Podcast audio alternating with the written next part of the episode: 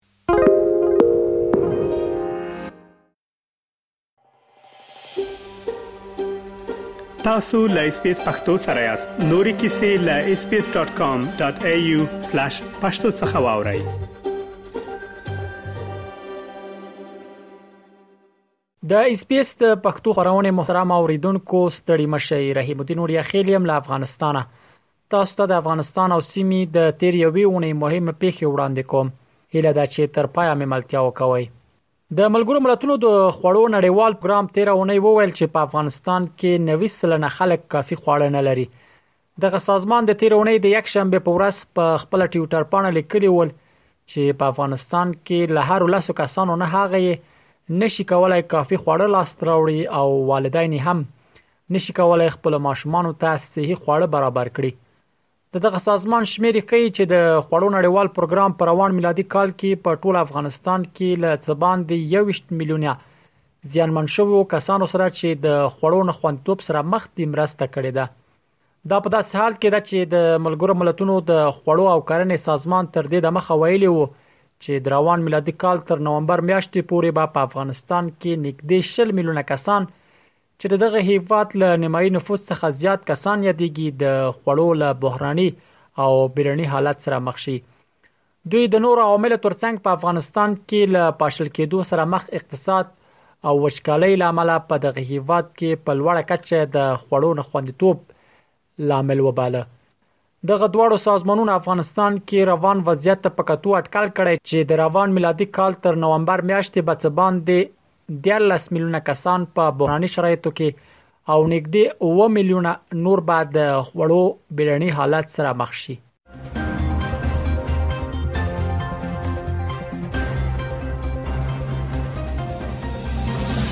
له افغانستان نه بهر د طالبانو پر وړاندې د سیاسي جریانونو د جوړېدو پر دوام تیر اونۍ د پخوانی حکومت دوهم رستیال سروردانش هم د افغانستان د ازادۍ او عدالت په نوم د خپل ګوند د موجودیت اعلان وکړ دانش د تیر اونۍ د دوشنبه په ورځ د اکتوبر 23مه وویل چې له جریان یې مخه په افغانستان کې د عدالت او ازادۍ د حاکمیت هڅې دي هغه د خپل اعلان شوی حرکت په اصولنامه کې وویل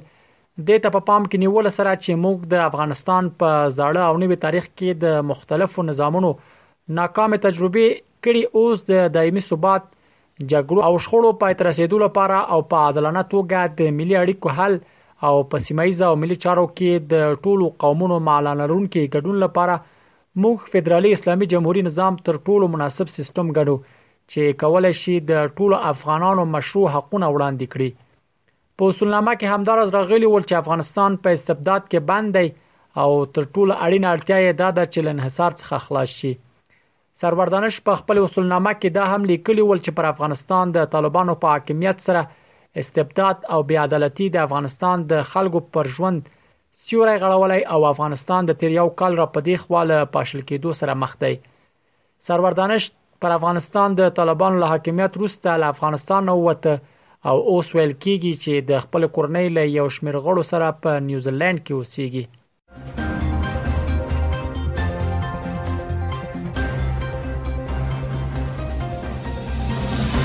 د افغانستان لپاره د اروپאי ټولنې ځانګړي استاذي توماس نیکلسن تیرونی وویل چې د سیمې په ګډون ګڼ هیوادونه په دې اند چې په افغانستان کې لا هم ټولګډونه حکومت نه دی جوړ شوی نیکلسن دغه خبره تیر اونۍ د سه شنبه په ورځ د اروپאי پارلمان د بهرنیو اړیکو کمیټې غونډه کې وکړه او وی ویل د سیمه او ځینې نور هیوادونه په افغانستان کې د ټولګډونه حکومت غوښتونکي دي د اروپאי پارلمان په دې غونډه کې د ته هم اشاره وشوه چې د طالبانو له حکومت سره د ډیالوګ دوام مهم دی دې غونډې ته د بشري حقونو د څار سازمان د ښځو د برخې مرستیالې هیدر بار په افغانستان کې د ښځو او نجونو وضعیت نازک وباله هغه وویل چې نن سبا افغانستان د ښځو لپاره د نړۍ تر ټولو خطرناک هیواد دی له 400 زیاتې ورځې وشوې چې نجونې له منځنیو ښوونځیو او لیسو منع کړل شوې دي په نړۍ کې هیڅ یو داسې هیواد هم نشته چې نجونې دې د جنسیت لمخې په سیستماتیک ډول له زده کړو راوګرځول شوې وي او د خزو د کار پر حق د سترګې پټې شوې وي د یادونې دا چې تر دې مخکې د نړۍ نور هیوادونو او سازمانونو هم د طالبانو پر اوسنی سرپرست حکومت نیوکه کړې او ټولګډونه یې نه ده بللای خو طالبان بیا په وار وار په کوردننه او نړیوالو سټیجونو دا استدلال کړی چې حکومت یې ټولګډونی دی چې ټولو قومونو او د لهکیو استازو ته ونډه ورکړې ده.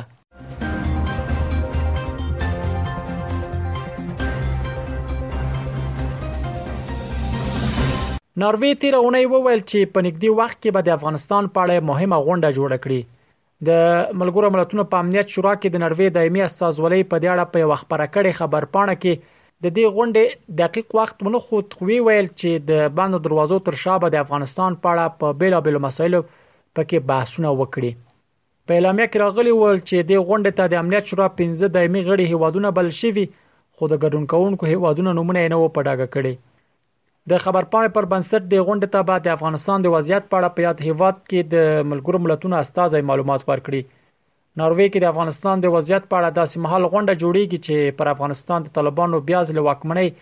له یو کال زیاته موده تیریږي خو لا هیڅ یو هیواد د غډله پر رسمیت نه ده پیژندلې